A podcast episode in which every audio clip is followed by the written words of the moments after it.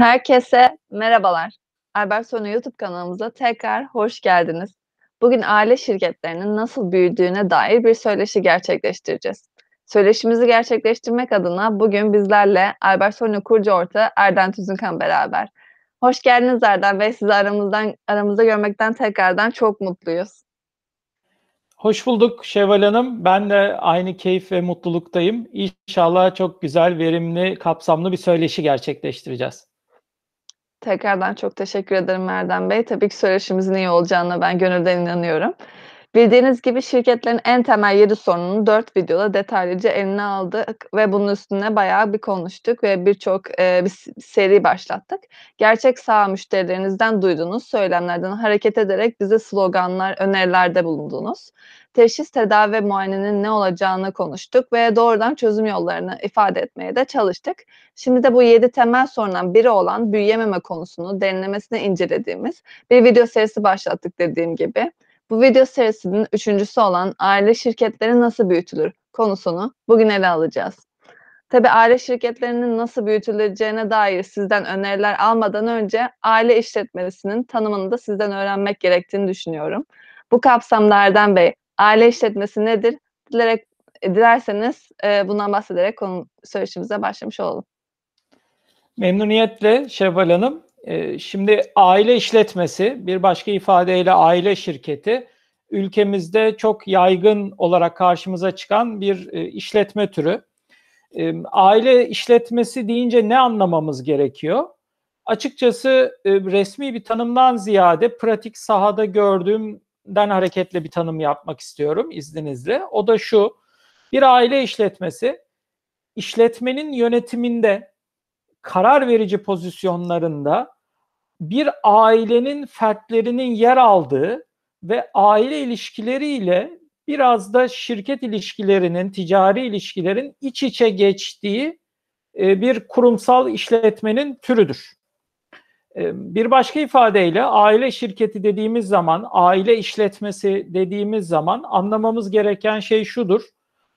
Onun kurucuları, hissedarları, ortakları belli bir aileye mensup olan fertlerdir ve bu fertler o şirketin kritik kararlarında önemli rol oynayan insanlardır ve bu rol oynamasına yol açacak pozisyonlarda görev alan insanlardır. E, farklı farklı aile işletmelerinden bahsedebiliriz.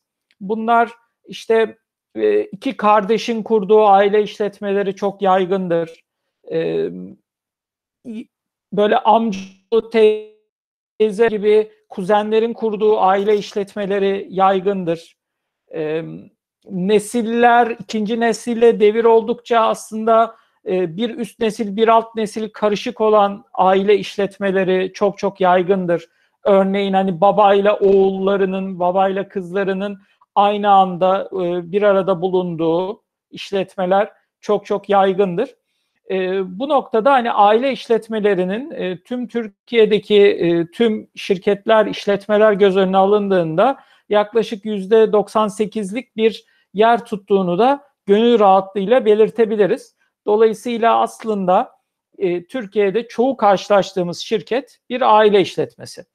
Tabii aile işletmesi demişken bunu biraz da girişimci şirketlerden veya bir kişinin kurduğu şirketlerden ayırmak lazım diye düşünüyorum. Yani e, biri diyebilir ki mesela işte ben bir tek başıma şirket kurduğum zaman ben de bir aileye mensubum. Bu da mı bir aile işletmesi oluyor? Cevabım hayır. Aslında aile işletmesi olabilmek için demek ki minimum aileden en az iki kişinin aslında o şirkette söz sahibi olması anlamına gelir. İki veya daha fazla kişinin söz sahibi olması anlamına gelir. Öbür türlü bir kişinin başlattığı bir girişim e, eğer yine o kişinin özelinde ilerliyorsa bir aile şirketi olarak değerlendirmek çok doğru olmayabilir bu işletmeyi. E, çünkü bir ailenin kararlara etkisinden bahsedemeyiz. Sadece tek bir kişinin aslında etkisinden bahsedebiliriz. E, muhtemelen diğer çalışanlar profesyonellerden, o aileye mensup olmayan insanlardan oluşacağından hareketle dolayısıyla o başlı başına yekpare bir işletmedir. Bir aile şirketi değildir. E, günümüzde aile işletmelerinin çok yaygın olmasının bir sebebi de Şevval Hanım aslında e, Türkiye'deki belki hani insanlarımızın ruhuna işlemiş olan biraz daha hani kimseye güvenmeme faktörüdür diyebilirim. Kişisel gözlemlerime dayanarak bunu iddia edebilirim. Burada kastettiğim şudur. Bir şirket yeni kurulduğu zaman e, kişiler aman para dışarı çıkmasın, aman hani başkası beni yarı yolda bırakır gibi güvensizlik içgüdülerinin hakim olduğu bir ortamda ilk şirket büyüdükçe yanına alacağı insanları bildiği, güvendiği, işte iyi kötü sözünün geçeceğine inandığı kişilerden seçer. Bunlar da yakın aile çevresi olur. İşte kardeş, abi, abla, işte amcaoğlu, teyze kızı, teyze oğlu gibi hani daha e, günlük hayatta da bir arada olduğu, içini dışını bildiği insanlardan seçmeye çalışır. Bu şirket büyüdükçe de yaygınlaşır. Hatta o kadar yaygınlaşır ki özellikle üretim işletmelerinde bir bakarsınız fabrikanın tamamı ve belki mavi yakaların tamamı neredeyse aynı köylü ve akraba. Yani bırakın hani tepe yönetimi, karar vericileri e, aynı köylülerden oluşan, birbirini tanıyan bir işletme ortaya çıkar. Tabii ki bu işlet aile işletmelerinin çok ciddi dezavantajları ortaya çıkar. E, aile ilişkileriyle e, şirket ilişkilerinin yani ticari ilişkilerin bir araya geçtiği ortamlarda sağlıklı karar alınması beklenemez. Çünkü iş yerinde diyelim ki bir kişiden sorumlu müdürsünüz ama akrabanız. E, orada o kişiye o işini niye yapmadığını sorduğunuz anda akşam evde eşinizden vay sen buna şöyle demişsin diye e, zılgıtı yiyebilirsiniz. Dolayısıyla bu da sağlıklı karar almanızın önünde bir engeldir. Ticari anlamda başarıya ulaştırmanızın önünde bir engeldir. Dolayısıyla aile şirketlerinin, aile işletmelerinin belki de en büyük problemi de bu noktadan hareketle aile ilişkileriyle e, ticari şirket ilişkilerinin yani kurumsal olması gereken ilişkilerin iç içe geçmesi, kemikleşmesi ve kemikleşmesinden ötürü de aslında romatizma olması, eklem sıvısını kaybetmesi ve dolayısıyla kırılabilecek seviyeye gelmesidir. Bir bakmışsınız dizinizi bir kaldırdığınız zaman aile içinde pat bir şeyler kırılmış. Yani biraz sağlık benzetmesi kullandım ama aile işletmelerinde maalesef çok yaşanan bir olgudur ve aile şirketlerinde en büyük kabusudur diyebilirim. Böylelikle umarım kısa bir tanım yapmış olduk sizinle. Tabii ki Erdem Bey, çok teşekkür ederim. Aile şirketinin tanımının ne olduğunu da böylece anlamış olduk. Peki asıl sorumuza geçecek olursak, yani aile şirketleri nasıl büyütülür? Dilerseniz bu bu soruya cevap vererek söyleşimize devam etmiş olalım. Eee, hay hay, eee, memnuniyetle Şevval Hanım. Şimdi bu konuda açıkçası, eee, biraz düşündük. Eee, Albert Solino olarak hem de ben Erden Tüzünkan olarak, birçok aile işletmesiyle bugüne kadar çalıştık açıkçası. Eee, belki hani 1000'den fazladır diyebilirim sayısı. Tü Türkiye'de ve uluslararası ortamda. Dolayısıyla hani bütün bunlardan süzülen aile şirketlerinin büyümesine dönük, eee, aslında kafamızda böyle süzülüp damla damla aşağıda birikenleri, emm, biraz da pratik bir şekilde izleyenlerimize vermek istedik. Bunun için de, eee, aile şirketlerini büyütecek 6 tane Albert Solino atasözü oluşturduk. İleride bir gün, eee, dönüp bu yazılı metinlere baktıkları zaman Albert Solino atasözlerinin inşallah kayıtlara geçtiğini de görmüş oluruz. Baktığımız zaman Albert Solino'nun, eee, bugüne kadar yaşadığı aile işletmesi deneyimlerini, eee, aslında büyüme yolunda nasıl kullanabileceğinin 6 temel atasözü olarak değerlendirebiliriz bunları. Bunlardan ilkiyle başlayalım. Biraz bu atasözlerinde açıkçası ufak bir mani gibi de, eee, yapmaya çalıştık. Onu da söyleyeyim. Biraz daha akılda kalma akılda kalması kolay olsun diye. Eee, hatalarımız olursa affola. Şimdi bunlardan ilki şöyle diyebiliriz: "Sen yeniliğin önünde durma, yenilik, inovasyon sana yol açsın." Şimdi burada şunu kastediyoruz. Ee, eğer sen bir aile işletmesi, bir aile şirketi olarak yeniliğin önünde böyle kas katı kesilip durursan yenilik yani gelen inovasyon, gelen o yenilikçilik akımı seni yıkıp geçer. Geçmesini istemiyorsan yani bir başka ifadeyle aile şirketini büyütmek istiyorsan bırak o inovasyon sana yolu açsın. Şimdi bu fikri de e, bu atasözünün oluşumundaki özellikle yol açma kavramını da bana kim öğretti biliyor musunuz? E, iki buçuk yaşında olan oğlum öğretti. Ömer Efe kendisi. E, çünkü e, ufak bir muziplik katarak işin içine şöyle bahsedeyim. E, bir, şu an hani bir koltuğa oturduğu zaman oğlum veya bir işte yatağına yattığı zaman e, veya işte kanepede oturduğu zaman yanına da e, ben oturuyorum dedim ki o da gelip oturmak istiyor. Diyor ki baba bana yol aç. İşte yatakta yatmak istiyor diyelim veya kanepeye uzanmak istiyor. Baba bana yol aç. Hani kay ve bana yer aç demiyor, yol aç diyor. Yolumu aç. Benim önümü aç.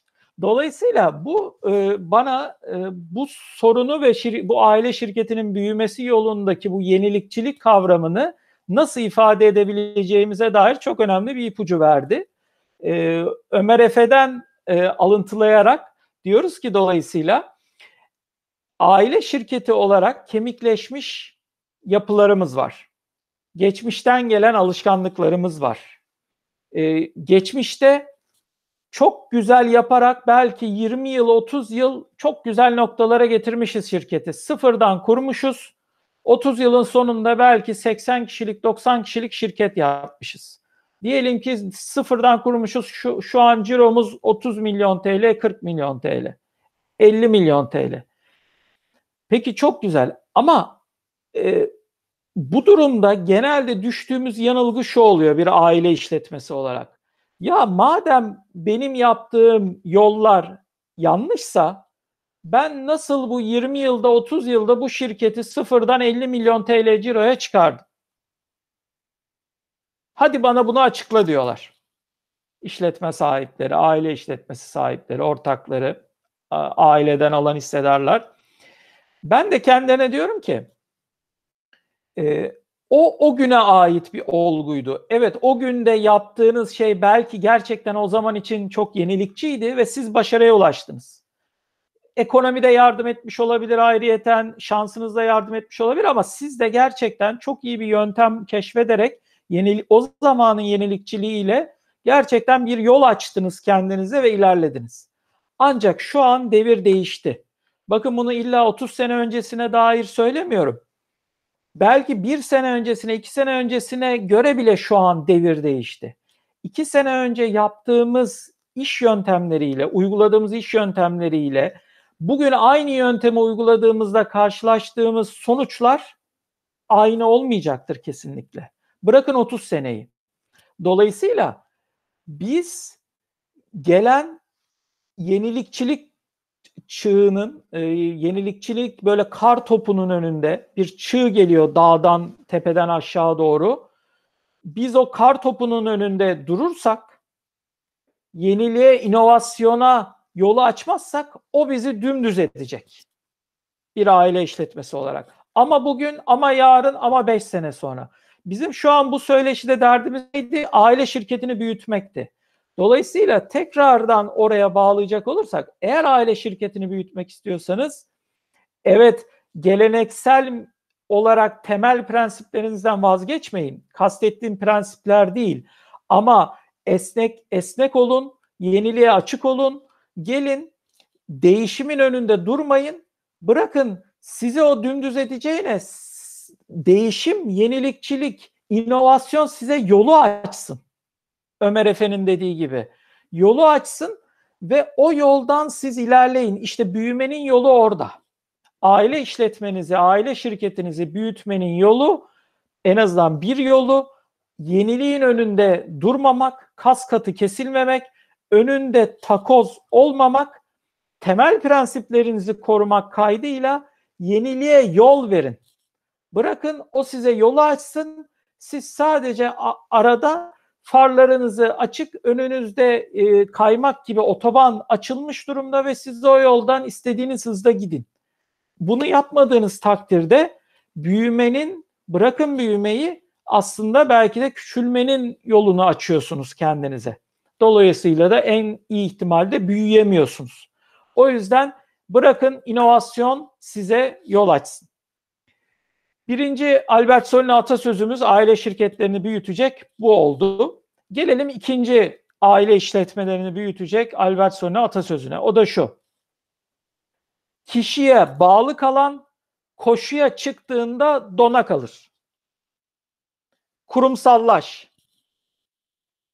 Şimdi e, bir daha böyle kelimeleri bu sefer çözümleyecek olursak söylediğimiz bu atasözünün aslında kendisi zaten bir mizanseni tarif ediyor ve o mizansende bazı şeylerde çok açık. O da şu. Eğer kişiye bağlı kalırsanız yani diyelim ki evdesiniz, işte kardeşiniz var, anneniz var, babanız var, eşiniz var evde ve ona sadece diyorsunuz ki ona bağlısınız. Yani ya anne, baba, kardeşim, eşim e, bugün hava nasıl olacak? Ya işte e, ne bileyim herhalde işte sabah fena değil herhalde güzel olacak hava. Dediğini varsayalım. Şimdi dolayısıyla bu kişinin bu lafını duydunuz siz de buna göre hareket ediyorsunuz.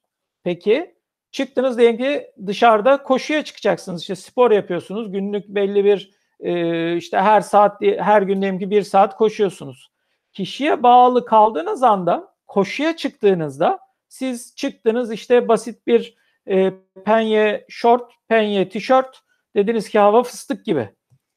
E, koşuya çıktınız koşuyorsunuz. Hiçbir ek önleminiz yok. Sonra bir baktınız hava soğuk. Yağmur yağmaya başladı. Tir tir tir tir titremeye başladınız. Evet bir yandan vücudunuz sıcaklık üretiyor ama Sizde o sıcaklık, o soğuk havada bir anda üzerinizde geliyor, ıslaklıkla birleşiyor yağmurun ve e, ciddi manada donuyorsunuz. İşte tıpkı bu örnekte olduğu gibi kişiye bağlı kalan koşuya çıktığında dona kalır. Cevabı nedir peki o zaman bunun? Peki buradaki çözüm nedir? Şirketinizi, aile şirketinizi büyütecek çözüm nedir? O da kurumsallaşmadır. Yani kişiden bağımsız hale gelmenizdir. Bir aile işletmesi olarak. Eğer kişilere bağlı kalmaya devam ederseniz, bakın bu aileden de olsa bu kişiler, e, profesyoneller de olsa, eğer sadece bir işi bir kişi biliyorsa, bir iş için sadece bir kişinin sözüne güveniliyorsa ve o kişinin aklındakiler sadece belirleyici oluyorsa, o iş o kişi gittiğinde dona kalır. Yani buzdan bir parça olur, kırılgan olur. Bir tık diye bir vurduğunuz anda şirketiniz paramparça dağılır. Siz eğer büyümek istiyorsanız yapmanız gereken kişilere gebe kalmamak. Gebe kalmamanın yolu nereden geçiyor? Kişilere gebe kalmamanın yolu nereden geçiyor? O da kişi bağımsız hale gelmek.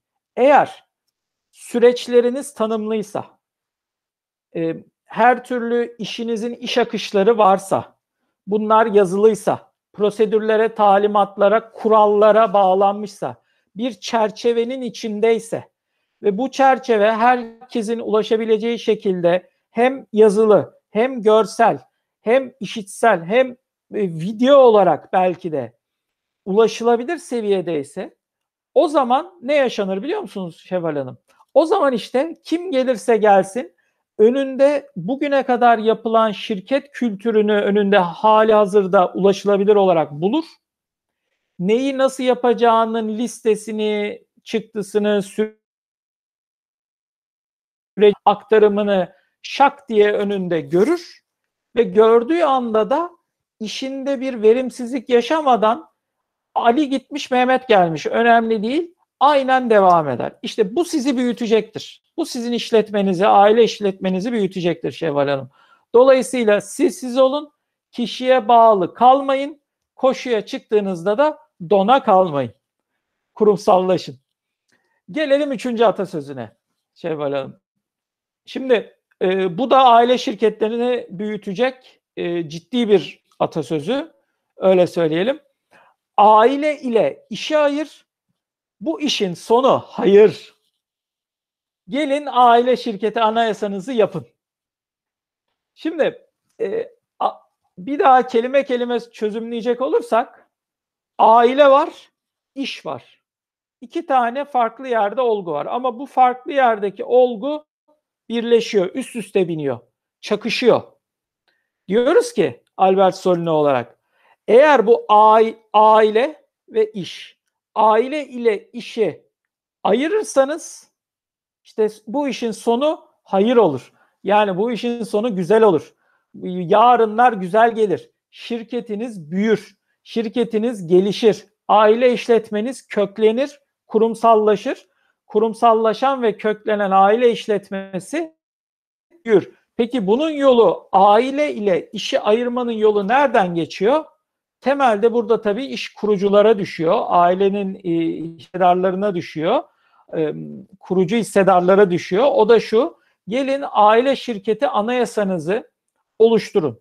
Belki çok büyük bir aileyseniz çok büyük kapsamlı bir proje de olabilir bu. Küçük bir yapıysanız küçük bir proje de ol, olabilir. Ama gelin aile şirketi olarak yazılı, çizili aile ile işin nasıl birbirinden ayrılabileceğini, birleştiği noktalarda o ayırmanın nasıl mümkün olabileceğini kurallara bağlayın. Ve bu kurallar e, ailenin şu anki mevcut bileşenlerini yani aile konseyi üyesini ve aile işletmesinde çalışan kişilerin gönlüne yatan herkesin orta bir ortak bir paydada buluşabileceği seviyede olsun. Böyle olduğu zaman herkes evet herkesin farklı düşünceleri var. Herkes aileyi ve işi belki farklı noktaya çekmek istiyor. Bu çok normal. Fakat herkes ortak bir noktada da buluşmanın gerekliliğinin farkında. Özellikle de hisse devirlerinin nasıl olabileceği, işte hisse yapısının nasıl şekilleneceği konuları çok çok kritik. Yine bir başka kritik olan konu aile şirketinin büyümesinde çok önemli bir rol oynayacak olan haleflik seleflik konusu. Yani ailede yeni gelen neslin hangi pozisyonlara aday olup şirketin hangi pozisyonlarında ne şartlarda ne zaman hangi ön şartları sağlarsa e, görev alabileceği eğer şimdiden belirlenirse bu yeni gelen nesil de buna göre yetiştirilebilirse işte o zaman ailenin köklü bir şekilde sürdürülebilir bir şekilde büyümesinin yukarıya doğru gelişmesinin önü açılıyor olacaktır. Dolayısıyla haleflik seleflik konusu çok kritik. Bir de yine burada çok kritik olan aile işletmesinde çalışan kişilerin gelir modelleri oturtulduğu zaman herkesin içi rahatladığı anda kimsenin kimseden işte ya o bunu alıyor da ben bunu niye almıyorum onun arabası bu da benim arabam niye bu gibi e, içindeki sıkıntılar giderildiği takdirde işte o zaman gönlü ferah, içi rahat, kafası salim bir şekilde işinize odaklanabilirsiniz ve işi de büyütecek olan işte o işi yaratan aile bireylerinin işe odaklanması olacaktır. Dolayısıyla aile şirketini büyümenin yolu aile fertlerinin kafasındaki problemleri ve gelecekte yaşanabilecek endişeleri gidermek. Bunun yolu da aile şirketi anayasasını yapmaktan geçer. Gelin aile şirketi anayasanızı yapın. Aile ile işi ayırın. Bu işin sonu da hayır olsun diyelim. E, bu noktada dördüncü aile işletmesini büyütecek e, Albert Solino atasözü olarak da şunu söyleyelim. İşe yatırım yapan aşağı yatırım yapar. Kendi sefasına yatırım yapan ise cefasını hazırlar. Yine çözümleyecek olursak ne demek istediğimizi aslında e, ve bunun aile şirketlerinin büyümesi, büyümesine nasıl bir yol açacağını belirtecek olursak şu şekilde ifade edebiliriz. Eğer siz işinize yatırım yaparsanız yani iyi ya da kötü bir işletmesiniz, faalsiniz, çalışıyorsunuz. Belki 40 yıldır, belki birkaç yıldır. Faal bir işletmesiniz. Bir döneriniz var. İşte bir şeyleri alıyorsunuz, satıyorsunuz veya bir hizmet üretiyorsunuz veya bu kurum bir üretim yapıyor, üretim işletmesi. Hepsi için geçerli veya bir pazarlama işletmesi. Hepsi için geçerli bu dediğim. Bir şeyler kazanıyorsunuz az ya da çok. Ailenizin geçimini sağlıyorsunuz az ya da çok ve işinizi döndürüyorsunuz. Yani işletme sermayesini sağlıyorsunuz. Gelin işinize yatırım yapın. Yani kazandığınız geçiminizi sağlayan e, her bir kuruştan sonrasını gelin tekrar işinize yatırın. İşinize yatırım yaparsanız işte o zaman yediğiniz aşağı yatırım yapmış olursunuz. Geleceğinize yatırım yapmış olursunuz. İşinizi büyütmeye yatırım yapmış olursunuz. İşini büyütmenin yolu işe yatırım yapmaktan geçer. İşe yatırım yapan aşa yatırım yapar. Peki diyebilirsiniz ki her zaman böyle olmuyor mu zaten Erdem Bey? Hayır. Maalesef gördüğümüz şey şu ki çoğunlukla basiretli tüccar dediğimiz işte o kavramın altı tam olarak doldurulamıyor.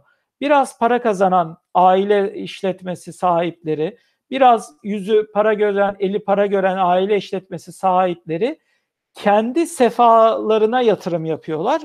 İşte o zaman da kendi cefalarını hazırlıyorlar. Yani kendi sefanıza bugün yatırım yapabilirsiniz. Evet bugün para kazandınız. Çok güzel, bravo, tebrik ediyorum, alkışlıyorum. Takdire şayan bir iş yaptınız. Demek ki bir şeyleri başarılı yaptınız. Yani gayet iyisiniz. Peki yanlış nerede? İşte bu kazandığınız parayı haddinden fazlası olacak biçimde sefanıza yatırırsanız işte o zaman kaybedenlerden olursunuz. Yani Sefaya yatırım yapmanın bir başka ismi lükse yatırım yapmak olabilir. Bir başka ismi değer yaratmayacak ama sadece fazlasıyla e, sağlayacak gösterişe yatırım yapar. Buna yatırım yaptığınız zaman para şirketten çıkar. Bir kuş misali, bir güvercin misali. Ta, eskiden e, mesaj güvercinleri varmış ya işte ayağına bir mesaj şeyi bağlanıp kağıdı o ta kilometrelerce uzağa gönderilip öyle mesajlaşılırmış zor koşullarda. İşte tıpkı onun gibi siz o parayı bağlarsınız şirketin içinde olan. Dolayısıyla şirketin içini boşaltırsınız tabiri caizse aile işletmesinin içini boşaltırsınız ve o boşalttığınız e, güvercine taktığınız o heybe uçar gider ve işin büyümesiyle alakalı olmayan bir yerlerde ya çarçur olur veya size mutluluk sağlasa bile işe dönüşü olmaz veya çok çok az olur. Dolaylı olarak mutlu olduğunuz için belki bir miktar olur. Ama bunu yapan işte cefayı hazırlar. Yani zorluğu hazırlar. Yani zor durumlara düşmenin yapı taşlarını şimdikten Arnavut kaldırımı parke taşlarını şimdikten döşemiş olur. Çünkü eğer siz işletmeden o parayı diye çektiğiniz zaman işletmenin o bir tık büyümeyi finanse edecek nefesini de çekmiş olursunuz. Nefessiz kalır. Hani bir önce koşuya çıkıyordunuz ya. Diyelim ki elbiseleriniz de çok güzel koşunun hava koşullarına uygun. Ama siz bir saat koşmanız lazım ama 15 dakikada tıkanırsınız. Çünkü içinizden, ciğerlerinizden o nefesi çektiniz. Sadece 15 dakikalık koşu için nefesiniz var. Ama sizin önünüzde gelen iş var, talep var, büyüme potansiyeli var. Siz hani aile işletmenizi büyütmek istiyordunuz. Ne yaptınız ama aile işletmenizi büyütmek isterken? Yeni bir ev aldınız. Yetmedi yazlık aldınız. Yetmedi daha büyük bir ev daha aldınız. Yetmedi e, garajda duracak 3 tane lüks araba aldınız. Yetmedi evinize işte e, en e, ortalama koltuk takımı yetiyorken işte altınla kaplı koltuk takımı aldınız. Ama yine yaptığınız şey değişmedi temelde. Üzerine oturuyorsunuz. Yani dolayısıyla oraya harcayacağınız parayla belki de yeni bir kişiye yatırım yapsanız veya yeni bir diyelim ki CNC makine alıp üretime geçseniz veya pazarlama şirketiyseniz gidip yurt dışında diyelim ki ithalatçı şirketsiniz yeni bir e, efor harcayıp yeni bir şirketle e, distribütörlük anlaşması imzalasanız belki işte işinizi o zaman büyütebileceksiniz. Ama kendi sefanıza yatırım yaparsanız cefanızı da maalesef hazırlamış olacaksınız diyelim. Gelelim beşinci e, şirketinizi büyütecek Albert Son'un atasözüne. O da şu. Aile şirketini büyütmek isteyen sabırla çok çalışır, çalışmayan fakirliğe çabuk alışır. Şimdi belki çok aşina geldi kulağınıza. Fakat bazı sözler aslında bakidir. Yani e, belki bin yıl önce bile aynısı geçerliydi. Belki bundan bin yıl sonra bile geçerli olacak bu söz. Çünkü e, başarının formülü veya bir başka ifadeyle aile şirketinizi büyütmenin yolu bir sürü teknik taktik yöntem bir yana en temelde sabırla çok çalışmaktan geçiyor. Her ne yaparsanız yapın bir kere sabredin ve azimli olun. Yani deneyin, yılmayın, tökezleyin, yılmayın. Sabırla ilerleyerek her seferinde bir adım daha ileriye kendinizi götürerek, aile işletmenizi götürerek e, çalışın. Sabırla çalışın. İki, çok çalışın. Yani e, yan gelip yatıp e, her zaman söylerim yan gelip yatıp çok başarılı işler yapan tek canlı dünyada tavuktur. Yumurta yapar ve iyi yapar. Ve bunu gerçekten yatarak, üzerine yatarak yapar ve içinden de 18 gün üzerinde yatıp belli bir sıcaklığını koruduğu takdirde, belli bir nemi koruduğu takdirde bütün yumurtaların eşit seviyede altında döndürdüğü, ayaklarıyla döndürdüğü takdirde bakın demek ki bir sürü taktik de varmış yatmanın. İşte o zaman o taktikleri uygularsa aslında hareket ediyormuş. Fark ettiniz mi bilmiyorum. Yine bir sürü şeyler yapıyormuş. İşte başarıya ulaşır, iş, işini büyütür ve bir sürü civciv çıkartır. Biz tavuk değiliz, biz insanız, biz aile işletmeleriyiz. Bizim çok çalışmamız lazım. Yan gelip yatıp başarıya ulaşan hiçbir e, Türkiye'de, dünyada başarılı girişimci göremezsiniz veya büyük holdinglerin, büyük kuruluşların yapılarına baktığınız zaman herkesin çok çalıştığı dönemlerin çok çok uzun yıllara yayıldığı dönemler olduğunu göreceksiniz. Dolayısıyla büyütmek istiyorsanız eğer aile şirketinizi yapacağınız şey sabırla çok çalışmak. Peki bunu yapmayan ne yapar? Çalışmayan fakirliğe çabuk alışır. Bugün zenginsiniz, bugün varlıklısınız veya bugün belli bir seviyenin üzerinde diyelim ki geliriniz var. Ama eğer sabır etmi sabretmiyorsanız ve çok çalışmıyorsanız bunun geçici olacağını bilin.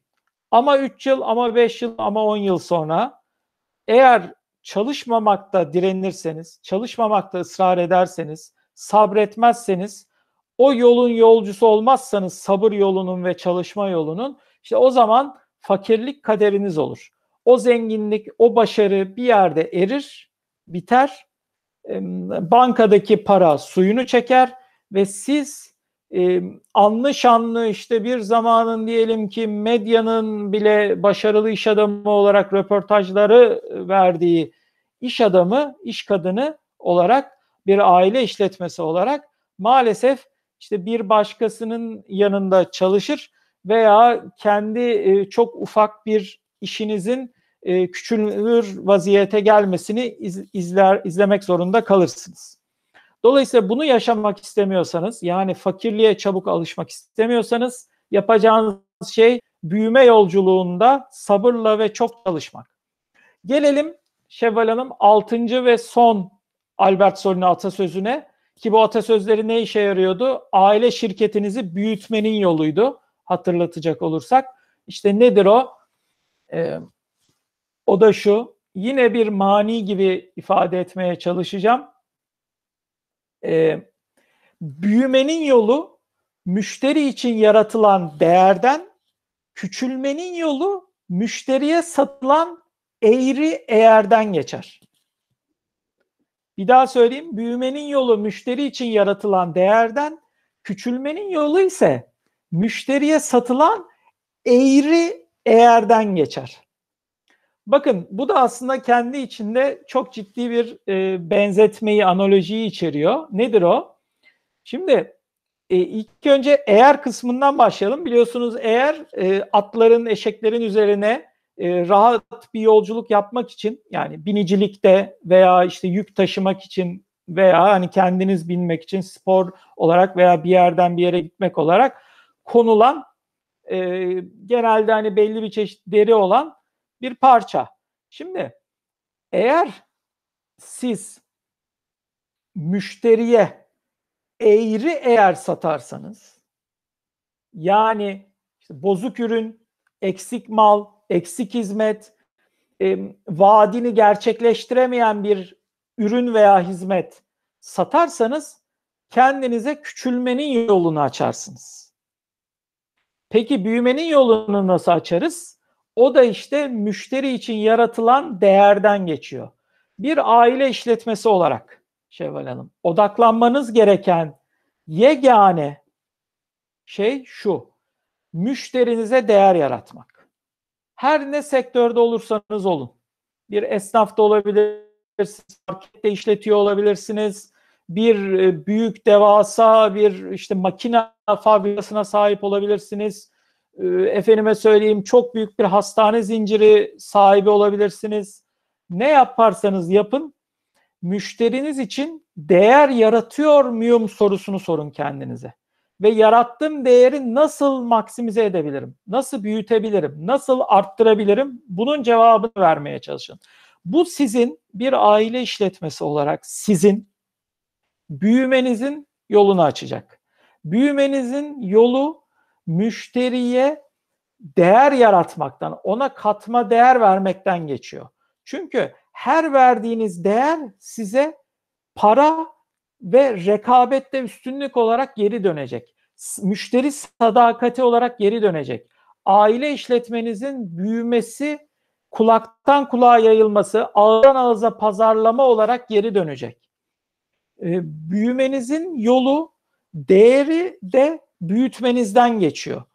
Dolayısıyla e, bir daha hatırlatacak olursak küçülmenin yolu da bunun tam zıttından geçiyor. Siz eğer değil değere odaklanmak, yarat e, minimumda vermeniz gereken değeri bile eksik, gedik, hatalı, noksan e, sağlıyorsanız müşterinize, bir hizmet verdiğinizde buna eksik veriyorsanız, e, o değeri yaratamadan sadece rutine oynuyorsanız bir ürün satıyorsunuz ama o ürün tamamen vasat ve iddiasına göre de daha vasat kalıyor. Her ürün süper olmak zorunda değil bu arada. Hani bazısı işte vasatlıkla da hani fiyat performans olarak belki belli bir değer yaratıyor olabilir. Bunu atlamayalım. Bununla beraber değeri iddia ettiğiniz, müşteriye vaat ettiğiniz değer eğer müşteriye gerçekten yarattığınız değerden e, büyük kalmışsa işte o zaman müşterinin gözünde küçülüyorsunuz demektir. Müşterinin gözünde küçülen gerçekte de eninde sonunda küçülüyor olur. Tam tersine büyütmenin yolu ise demek ki o müşterinin yarattığı, müşterinin gözünde yaratacağınız o değer algısının ürün veya hizmet değer algısının arttırılmasından geçer diyelim ve böylelikle de aile şirketlerini büyütecek 6 Albert Solino e, atasözünü de tamamlamış olalım. E, teşekkür ediyorum bu fırsatı bana verdiğiniz için Şevval Hanım. Tekrar çok teşekkür ederim Erdem Bey. Aile işletmelerinin nasıl büyüdüğüne dair bize verdiğiniz öğütler, tabii atasözleri de diyebiliriz buna. Bunlar için çok teşekkür ederiz. Eee, böylece de söyleşimizin son sorusuna gelmiş bulunmaktayız Erdem Bey. Dilerseniz onu size yönelteyim ve söyleşimizi de bitirmiş olalım. Aile işletmelerinin büyümesi kapsamında Albert Solino yaklaşımı olarak müşterilerinize ne veya neler sağlamaktasınız? Bir danışmanlık firması olarak e, biz Albert Solino olarak tabii ki temel bir danışmanlık yaklaşım felsefemiz var. O da her ne proje yaparsak yapalım bu noktada işte bir e, doktor benzetmesiyle anlatacak olursak bir muayene aşamamız var. Bu muayene aşamamız mevcut durum analizi çalışması oluyor. İkinci fazımız muayeneden sonra teşhisi koymak ve e, reçeteyi yazmak. Dolayısıyla bu teşhis ve reçetede gelişim yol haritası aşaması oluyor. Üçüncü aşamamız ise bu reçetede yazan e, aslında iyileşme yollarını yani hastalığın geçmesi yollarını bil fiil sahada uygulamayı içeren danışmanlığın uygulama projelerinin hayata geçirilmesi, sistemlerin kurulması, teknolojilerin adapte edilmesi, insan kaynaklarının organizasyonunun tasarlanması biçiminde e, gerçekleşiyor. Dolayısıyla hani temel yaklaşımımız bu. Peki gelelim aile işletmelerinin büyütülmesi konusunda nasıl bir e, hani farklı alanlarda da olsa nasıl bir hizmet yelpazemiz var? Burada tabii farklı noktalara değinebiliriz. Ben aklıma gelen 6 taneyi hızlıca sayacağım. Bunlardan bir tanesi aile şirketleri denildiği zaman aslında ilk akla gelen şeylerden biri kurumsallaşma danışmanlığı veya bir başka ifadeyle aile şirketinin kurumsallaşması. Şimdi büyümenin yolu kurumsallaşmaktan geçiyor. E, çünkü e, aile şirketlerinin kendi işlerinin onları otomatik olarak büyütmesi ihtimalinde bile aile şirketi kurumsallaşamıyorsa o büyüme yarıda kalıyor, bir noktada kesiliyor ve e, geriye düşüyor firma, küçülmeye başlıyor. Bunun bunu bildiğimiz için kurumsallaşma danışmanlığını sunuyoruz aile şirketlerine ve bu danışmanlık kapsamında işte şirketin üst yönetimini tasarlıyoruz. Yönetim kurulu, icra kurulu gibi yapıları oluşturuyoruz. Komiteleri oluşturuyoruz. Her, iş süreçlerini ve iş akışlarını tasarlıyoruz. Talimat prosedürleri yazılı hale getiriyoruz. Şirketin, aile şirketinin kurumsal hafızasını oluşturuyoruz ve bir kurallar bütünü oluşturuyoruz ve tüm bunları da bir organizasyona ve e, düzene bağlıyoruz. Biz buna kurumsallaşma danışmanlığı diyoruz birinci aşama olarak. İkinci aklıma gelen çözümlerden bir tanesi aile şirketi anayasası danışmanlığı. E, aile şirketi anayasaları hazırlıyoruz. Ailenin işle aile ayrımını yapabilmesi, e, haleflik seleflik kavramını netleşebil, netleştirebilmesi, e, aile üyelerinin gelir modellerini ortaya koyabilmesi ve aile işletmesinin hisse devirlerinin hangi şartlarda olacağının belirlenmesi konularında e, bunları yazılı hale getirdiğimiz bir çalışma bu Şevval Hanım. E, bu çalışmayı icra ediyoruz. Üçüncü bacak olarak insan kaynakları danışmanlığı diyebilirim. Özellikle de aile işletmelerinde e, uçtan uca insan kaynakları dönüşümü genelde karşımıza çıkan bir temel ihtiyaç oluyor büyüme noktasında. Aile işletmesinin büyümesi için çünkü insan kaynağı sınırlayıcı bir faktör olabiliyor. İşte e, bu çalışma organizasyon yapısının nasıl olması gerektiğinden belki başlayıp işte norm kadro çalışmalarına, e, bireysel performans ve kurumsal performans sistemlerinin kurulumuna, e, işveren markası oluşturmaya, e, yetenek yönetimi ve kariyer yönetimi sistemlerinin tasarlanmasına kadar giden bir süreç. Buralarda destek oluyoruz. Bir başka e, yani dördüncü bu konuda verdiğimiz danışmanlık aslında organizasyon ve süreç tasarımı olarak ifade edebileceğim niş bir alan. İşte bu büyümenin büyüme yolculuğunda yeni fonksiyonlar ortaya çıkması gerekiyor aile işletmesinde. Yeni kişilerin dahil olması gerekiyor yeni süreçler tanımlanıyor. Bütün bunlar yaparken e, tabiri caizse işte kolun biri uzun biri kısa kalıyor.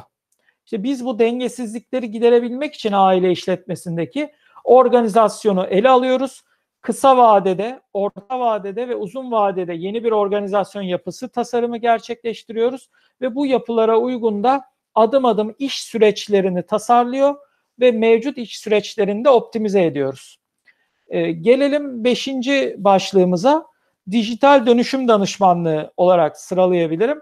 Bu noktada aile şirketlerinin büyümesi artık dijitalleşmeden geçiyor günümüzde Şevval Hanım. Birçok farklı noktada işte teknolojiyi işimize adapte edemediğimiz takdirde geriye düşüyoruz. Büyümek için verimsizlikleri ortadan kaldırmamız gerekiyor. Kurumsallaşmak gerekiyor ve dijitalleşmek gerekiyor. E, dolayısıyla bu dijitalleşme analizini gerçekleştirip dijitalleşme olgunluk seviyesini aile şirketinin tespit edip daha sonra da dijitalleşme yolculuğundaki dönüşüm projelerini, dijital dönüşüm projelerini bil fiil hayata geçiriyoruz bu başlıkta da. Gelelim sonuncu e, bu konuda aile işletmelerine büyüme yolculuklarında verebileceğimiz katkıda. O da satış ve pazarlama danışmanlığı. Yani eğer daha yolculuğun başındaysa örneğin bu işletme belki bir pazarlama departmanının kurulumunu gerçekleştiriyoruz o firmada. Eğer yol almışsa e, pazarlama planı hazırlayabiliyoruz. E, biraz daha detaylandırmak istiyorsa işte hedef pazarları belirleyip yurt içi ve yurt dışı hedef pazar belirleme metodolojisini oluşturuyoruz. Rakip analizlerini gerçekleştiriyoruz. Ürün veya hizmet segmentasyonlarını gerçekleştiriyoruz. Marka yönetimi ve marka konumlandırmalarını gerçekleştiriyoruz. Satış planlarını e, tasarlıyor ve hayata geçiriyoruz. Dolayısıyla bu sayede de büyümenin e, önünü açıyoruz. Bir aile işletmesini büyütmek için elimizden gelen sistem kurma e, faaliyetlerini yürütüyoruz Şevval Hanım. Çok teşekkür ederim Erdem Bey. Bugün e, aile şirketlerinin nasıl büyüdüğüne dair bir söyleşi gerçekleştirmiş olduk. Söyleşimizi gerçekleştirmek adına bugün bizlerle Albert Soylu kurucu ortağı Erdem Tütünkan beraberdi. Çok teşekkür ederiz Erdem Bey. İyi ki bizlerle bu atasözlerini paylaştınız. Ben de memnuniyet duydum Şevval Hanım. Ee, bizi dinleyenler, izleyenler her zaman sorularını bu videonun altına yorum yazarak veya web sitemiz üzerinden e, hakeza iletişim formlarımızdan bize ulaştırabilirler. Memnuniyetle kendilerine yol göstermek ve kendilerini bilgilendirmeyi isteriz. Tekrardan çok teşekkür ederim Erdem Bey. İzleyicilerimize ben de teşekkür edeyim. İzleyen herkese çok teşekkürler. Herkese sağlıklı günler diliyorum.